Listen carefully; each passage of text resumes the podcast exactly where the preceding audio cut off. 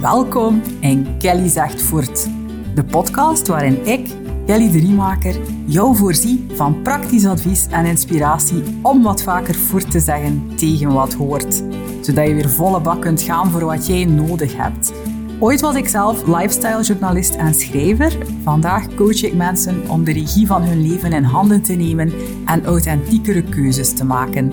In Kelly zegt voort deel ik mijn eigen hobbelige traject van loslaten en kiezen voor een leven dat steeds beter bij mij past. Een leven waarin schaamte, people pleasen en verlammend perfectionisme een steeds kleinere rol spelen. In deze podcast ga ik ook in gesprek met mensen die ook voortleren zeggen tegen geïnternaliseerde regels rond geluk, succes en wat normaal is en wat niet. Welkom, let's go!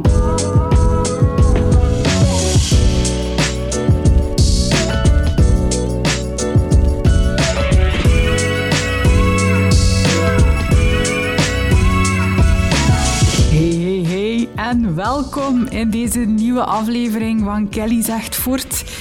Hopelijk is alles goed met jou en ik hoop ook dat je eventjes wat tijd hebt om naar deze podcast te luisteren met de nodige aandacht. Het is immers een interview met iemand die mij heel dierbaar is. En niet alleen dat, het is ook nog eens over een onderwerp dat mij ook al bijzonder dierbaar is. En over dat onderwerp ben ik, as we speak, een nieuwe online cursus aan het opnemen. Het wordt een gloednieuw traject rond ontdekkend dagboekschrijven. En het staat gepland om open te gaan ergens midden april. Dus hou het in de gaten. Deze podcast is al een kleine opwarmer voor die cursus. En die cursus die zal bestaan uit video, audio en heel veel toffe oefeningen en een paar calls waarin dat we samen onze pen op papier gaan zetten en gaan kijken wat er dan kan gebeuren. Ik schrijf zelf al meer dan een jaar elke dag in mijn dagboek, letterlijk elke dag. En mijn lieve vriendin Louise, die je straks hoort en die ik dus voor deze podcast mocht interviewen, um, die doet dat ook. En die schreef zich zo door een bijzonder lastige periode. Je gaat het wel horen, het was de moeite. Ben jij ook geboeid door het onderwerp na het beluisteren van deze aflevering? Vergeet dan zeker niet om ook eens te surfen naar mijn site kellyderiemaker.be en de Riemaker schrijf je met A-E-K-E-R, niet met een C. Iedereen doet dat altijd, maar het is niet zo kellyderiemaker.be in één woord, want daar heb ik een gratis e-book voor jou klaargezet dat Start to Journal heet en waarin ik al allerhande tips en adviezen heb verzameld om er al een keer voorzichtig mee te starten, mocht je dat willen. Het is vreed de moeite, het is een mega tof boekje. Um, ga dus zeker eens kijken, nu of na het beluisteren van deze podcast. Je gaat het je niet beklagen.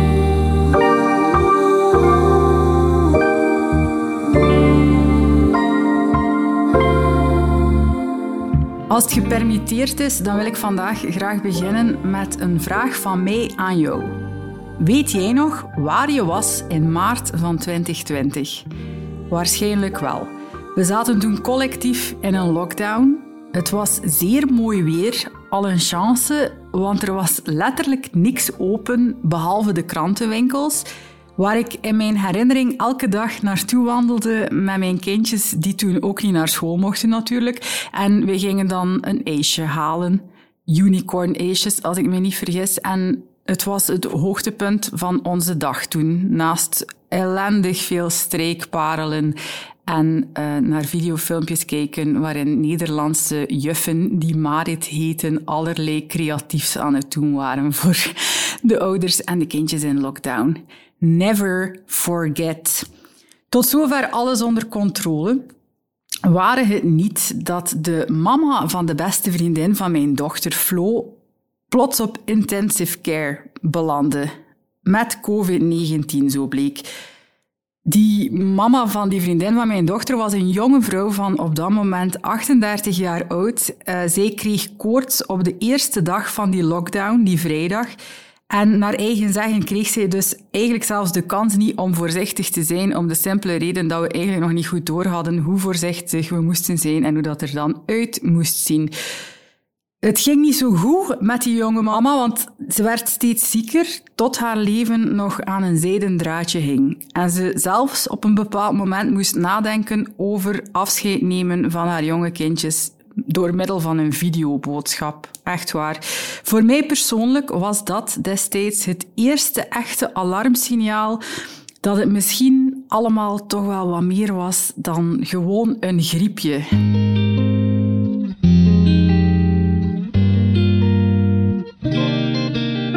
Louise Klaes Boaert, want zo heet ze, kwam er uiteindelijk door maar niks was nog hetzelfde. En dat mag je behoorlijk letterlijk nemen.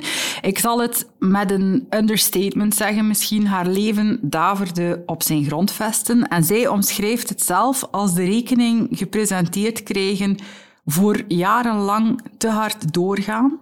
En ze kreeg ook af te rekenen na COVID-19 met long-COVID met symptomen van een burn-out, het verlies van haar job, het einde van de relatie met de vader van haar kinderen en ook nog eens op de koop toe een ernstige kankerdiagnose bij haar moeder.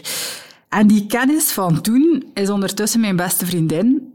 En vandaag interview ik haar over een van de zaken die mij en haar helpen om de regie en het stuur in handen te houden. Ook als het buiten enorm stormt en davert. En dat is journaling of ontdekkend dagboek schrijven. Louise is ondertussen trouwens zelf aan de slag als coach en ze doet dat onwaarschijnlijk goed. Um, surf zeker ook eens naar de show notes van deze aflevering, die zoals altijd te vinden zijn op kellyzegtvoort.be. Je vindt daar ook haar gegevens terug, mocht je die willen.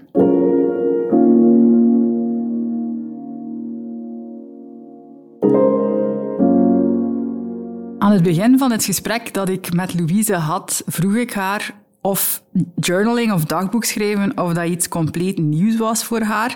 Of dat ze, uh, net als ik, misschien ooit wel als jong meisje in een dagboek met een slotje had geschreven. En dat bleek ook zo te zijn. En toen ze uitviel, drie jaar geleden, en niet meer kon gaan werken en alle grond onder haar voeten voelde wegzakken, greep ze om de een of andere reden opnieuw naar haar dagboek, na een lange periode van dat niet te doen. En ik vroeg haar hoe dat schrijven er op dat moment uitzag. in het begin was dat all over the place. Um, het voelde zelfs een beetje krampachtig van wat gebeurt er hier allemaal en hoe kan ik dit documenteren en gebeurt dit wel echt? Um, ik was zodanig ver verwijderd van mijn werkelijkheid op dat moment dat het schrijven mij een beetje ja, die houvast gaf van oké, welke dag zijn we vandaag? Een beetje grondend ook van waar ben ik nu? Hoe voel ik mij? Um, wat, wat doe ik vandaag? Wat heb ik gedaan vandaag? Wie zie ik? Dat gaf mij echt een mogelijkheid om toch in het moment te blijven en niet volledig in een angstkramp mee te, meegesleurd te worden.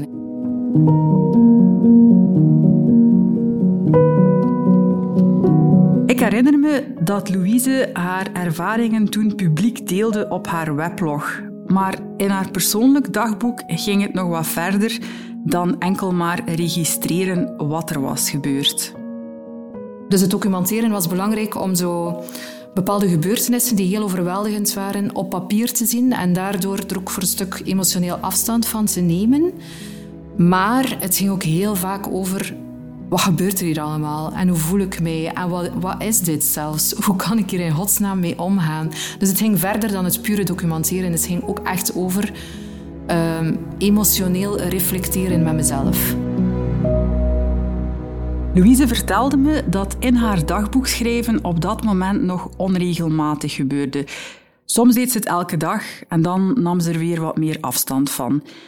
In haar zoektocht naar zich opnieuw veilig voelen na de traumatische ervaring met COVID-19 werden haar dagboek en de momenten waarop ze de tijd nam om erin te schrijven een van de ankerpunten in een bestaan dat heftig door elkaar werd geschud. Louise kon niet meer werken nadat ze jaren een succesvolle en goed betaalde job had gehad. En op dat moment was ik zelf aan het experimenteren met het format van morning pages waarbij je elke dag drie A4'tjes vult met wat er in je hoofd omgaat. En op een dag, toen we aan het wandelen waren, gaf ik het als tip mee aan Louise. En ze weet nog exact wat haar eerste ervaring ermee was. Ik kan me zelfs haar fijn herinneren. De eerste keer dat ik het gedaan heb, zat ik op een terrasje in het was lente. En uh, dacht ik, oké, ik ga dat nu gewoon een keer proberen. Ik had daar heel veel weerstand in, omdat ik dacht, drie pagina's, waarover moet ik dan schrijven? En het voelde als een opdracht. En ik weet nog dat mijn eerste zinnen waren effectief... Zie mij hier nu zitten. Ik ga hier nu een keer drie pagina's volschrijven en ik weet bij God niet waarover. Misschien moet ik gewoon twintig keer deze zin herhalen. En dat klinkt misschien een beetje gek, wat Louise hier zegt, maar als mensen willen beginnen met journaling of ontdekkend dagboek schrijven, dan is het wel een tip die ik graag meegeef. Focus bovenal op het neerschrijven van wat je denkt en overdenk het allemaal niet te veel. Je wilt ontdekken wat er in je hoofd gebeurt en het ook zwart op wit op papier zien staan. En als het is dat je niet weet wat geschreven, dan schrijf je dat op.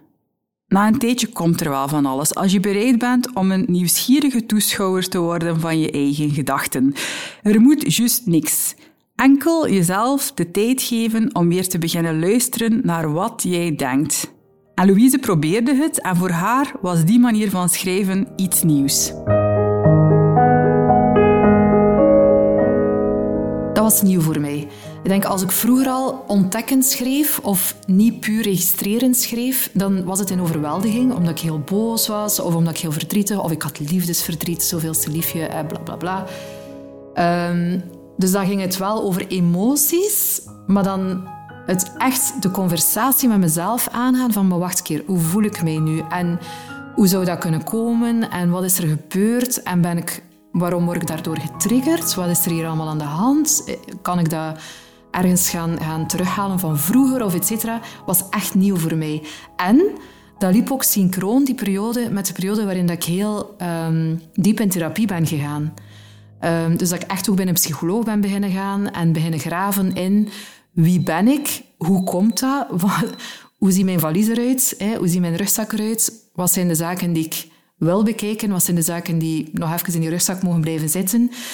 Dus dat liep wel echt wel samen. Dus het in therapie gaan bij een psycholoog was voor mij ook voor een stuk in therapie gaan met mezelf in mijn dagboek op dat moment. Louise riep dus ook externe hulp in om om te gaan met wat haar allemaal overkwam.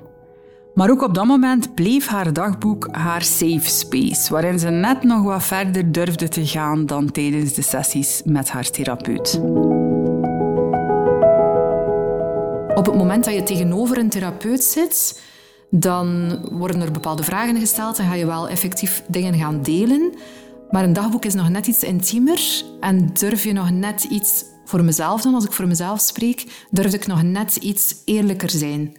Um, er zijn bepaalde zaken die mijn therapeut op vandaag nog altijd niet weet en niet hoeft te weten, vind ik. Mhm. Maar die ik natuurlijk wel weet en die ik niet mag ontkennen. En dan is zo'n dagboek voor mij wel een veilige plaats waar ik ook die zaken kan gaan bekijken.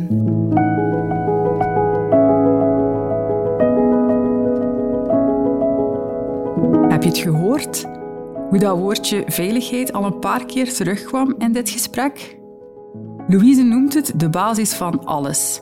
Want zij zag zichzelf heel lang als Louise zonder vrees.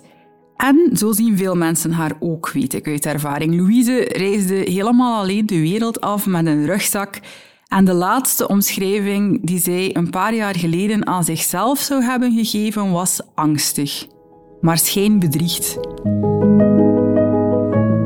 Ik heb ontdekt dat ik chronisch hyperventileerde bijvoorbeeld. Dat zijn zaken als je daar niet bewust van bent, die op een gegeven moment wel zijn tol beginnen te eisen. Ik denk ook dat dat een van de redenen is waarom ik zo ziek ben geweest van COVID.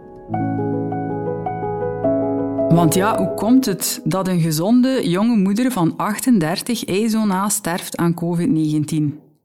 Louise heeft zich vaak de vraag gesteld in hoeverre het toeval was of gewoon pech, of het gevolg van jarenlang doordoen in de rat race zonder nog te voelen hoe angstig of gejaagd of moe ze eigenlijk wel was.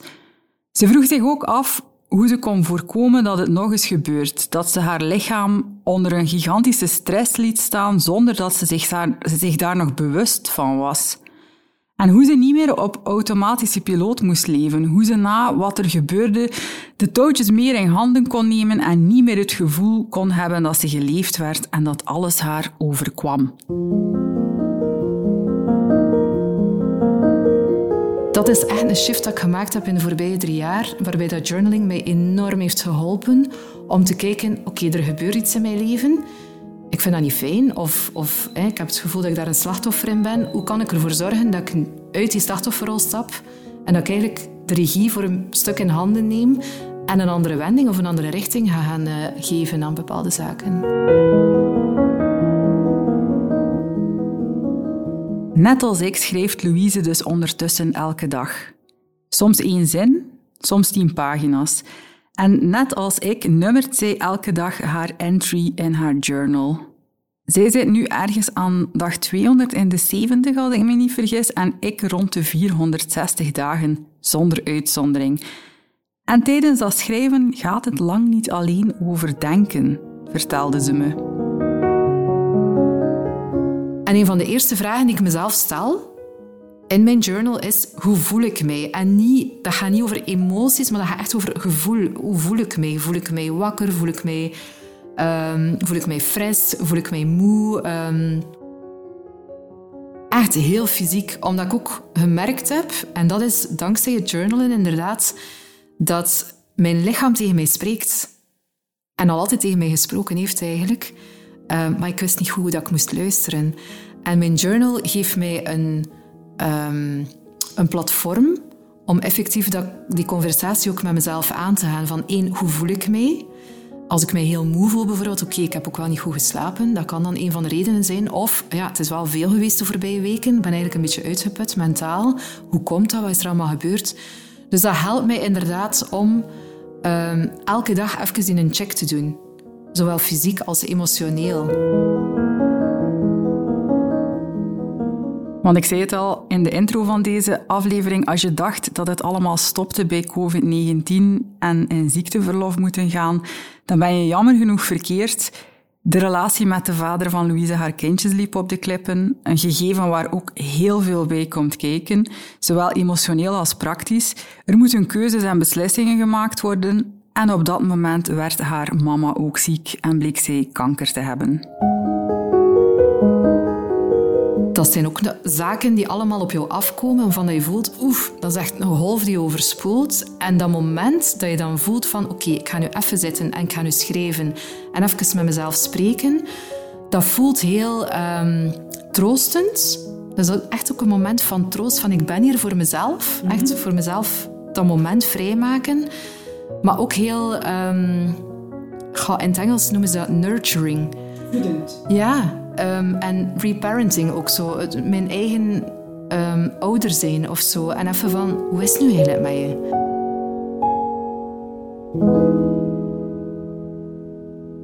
Reparenting. Je eigen lieve ouder mogen zijn. Ik vind het heel mooi hoe ze dat omschrijft. En Louise noemt het bevrijdend hoe ze de afgelopen jaren weer lief heeft leren zijn voor zichzelf. En dat leert ze ondertussen ook aan anderen.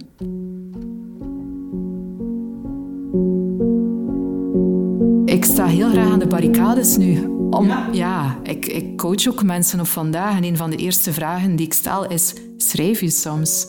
Omdat ik het zo waardevol gevonden heb en nog altijd vind op vandaag dus ik, ik ben de eerste om nu te staan roepen aan de zijlijn van kom aan, hè, gasten. En net als ik voelt Louise zeker in het begin soms heel wat weerstand bij mensen. Omdat ze bijvoorbeeld bang zijn dat ze niks te vertellen gaan hebben, of dat ze het niet goed gaan doen, of dat het weer een to-do gaat worden op die al ellenlange lijst van dingen die op een dag moeten gebeuren. En toch probeert ze mensen te overtuigen om een beetje van hun tijd terug te eisen om het alles stil te maken en met zichzelf bezig te mogen zijn. Wat ik nu heel hard voel is als mensen ehm, de repliek geven van ik heb daar geen tijd voor, dan is eigenlijk mijn eerste reactie het is misschien hoog tijd dan dat je er tijd voor maakt. Als je nu al zegt, ik heb er geen tijd voor, dat is zoiets met mediteren ook bijvoorbeeld. Van mensen die zeggen, oh, ik heb geen tijd voor elke dag zo 20 minuten te mediteren. Dan denk ik van ja, dan moet je er eigenlijk een uur van maken.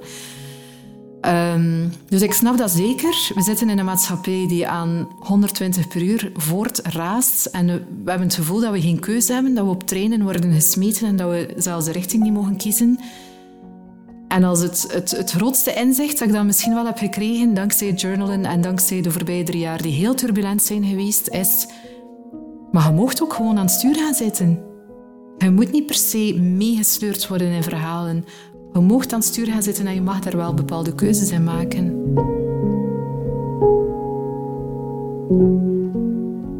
En weet jij, zoals zoveel mensen die ik ontmoet, niet goed meer wat jij wilt en welke keuzes jij wilt maken? Geloof me als ik zeg dat je zeker niet alleen bent en dat een deel van de oplossing ligt in het eens wat vaker stil maken. Weg van al het geroep en het geraas. Gun het jezelf eens om te ontdekken wat het kan doen. En vergeet mijn gratis e-book niet te downloaden. Daarin, daarin heb ik immers al heel wat inspiratie en een paar oefeningen voor je verzameld, waarmee je het misschien vandaag al een keer kunt proberen. Dus surf naar kellyderiemaker.be met AEK en dan kun je het onmiddellijk downloaden. En in dat e-book vind je op algemeen verzoek ook mijn tips rond materiaalkeuze. In welk boekje ik het liefste schrijf en met welke pen en welke inkt. En mijn lievelingsjournals ooit komen uit een machtig winkeltje in Londen en zijn pokkenduur, maar wel de allermooiste ooit. En ik heb Louise er ooit eentje cadeau gedaan en sindsdien is hij ook volledig verkocht. Het is wel allemaal een beetje ambetant om ze tot hier te krijgen, zeker met de taxen vanuit Engeland en zo via de post. Dus sleuren wij ons tegenwoordig een half ongeluk als een van ons eens een tripje naar Londen onderneemt. En op dat vlak heeft Louise trouwens nog een tip voor jou. Ik ben ondertussen in mijn tweede journalboek bezig. Ik heb mezelf weer een hele mooie gegund. Ehm, dat is ook een raad die ik aan iedereen zou geven die, die wil schrijven. Maak er iets heilig van. Zorg dat het waardevol is. En maak het niet zoiets van, ik ga je rap een keer schrijven, maar maak er echt iets van dat voor jou als heel waardevol voelt. En ik kan het niet anders zeggen, het gebeurt nog. Ik ben het volmondig met mijn lieve Louise eens. Maak het van jou Zie het als iets dat jij jezelf gunt en zeg alsjeblieft wat vaker voert tegen de tirannie van de nuttigheid en de productiviteit. En doe het bovenal omdat je het wilt doen en omdat je wilt weten hoe het met je is en wat je denkt en wat er in jou omgaat en wat dat er scheelt en wat dat er speelt. Je mag, wij mogen. En misschien is het wel hoog tijd om ermee te beginnen. Op kellyzegtvoort.be vind je zoals altijd alles dat ik vandaag heb vermeld, uh, bepaalde links naar artikels of andere zaken en je vindt er ook de gegevens van Louise terug. Check it out en tot de volgende keer. Doei!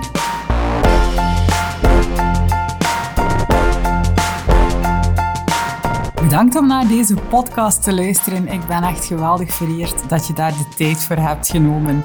Wil je graag meer? Surf dan zeker nog eens naar kellyzegtvoort.be. Daar vind je alle show notes en links die ik in deze aflevering heb vermeld. Laat ook zeker een review na via Apple Podcasts of abonneer je op Spotify. Dat helpt ook om andere mensen deze podcast te laten ontdekken. Wil je mij graag een vraag stellen of heb je een suggestie voor een aflevering of iemand die ik volgens jou eens aan het woord moet laten? Mail me dan even op hallo@kellyzegtvoort.be.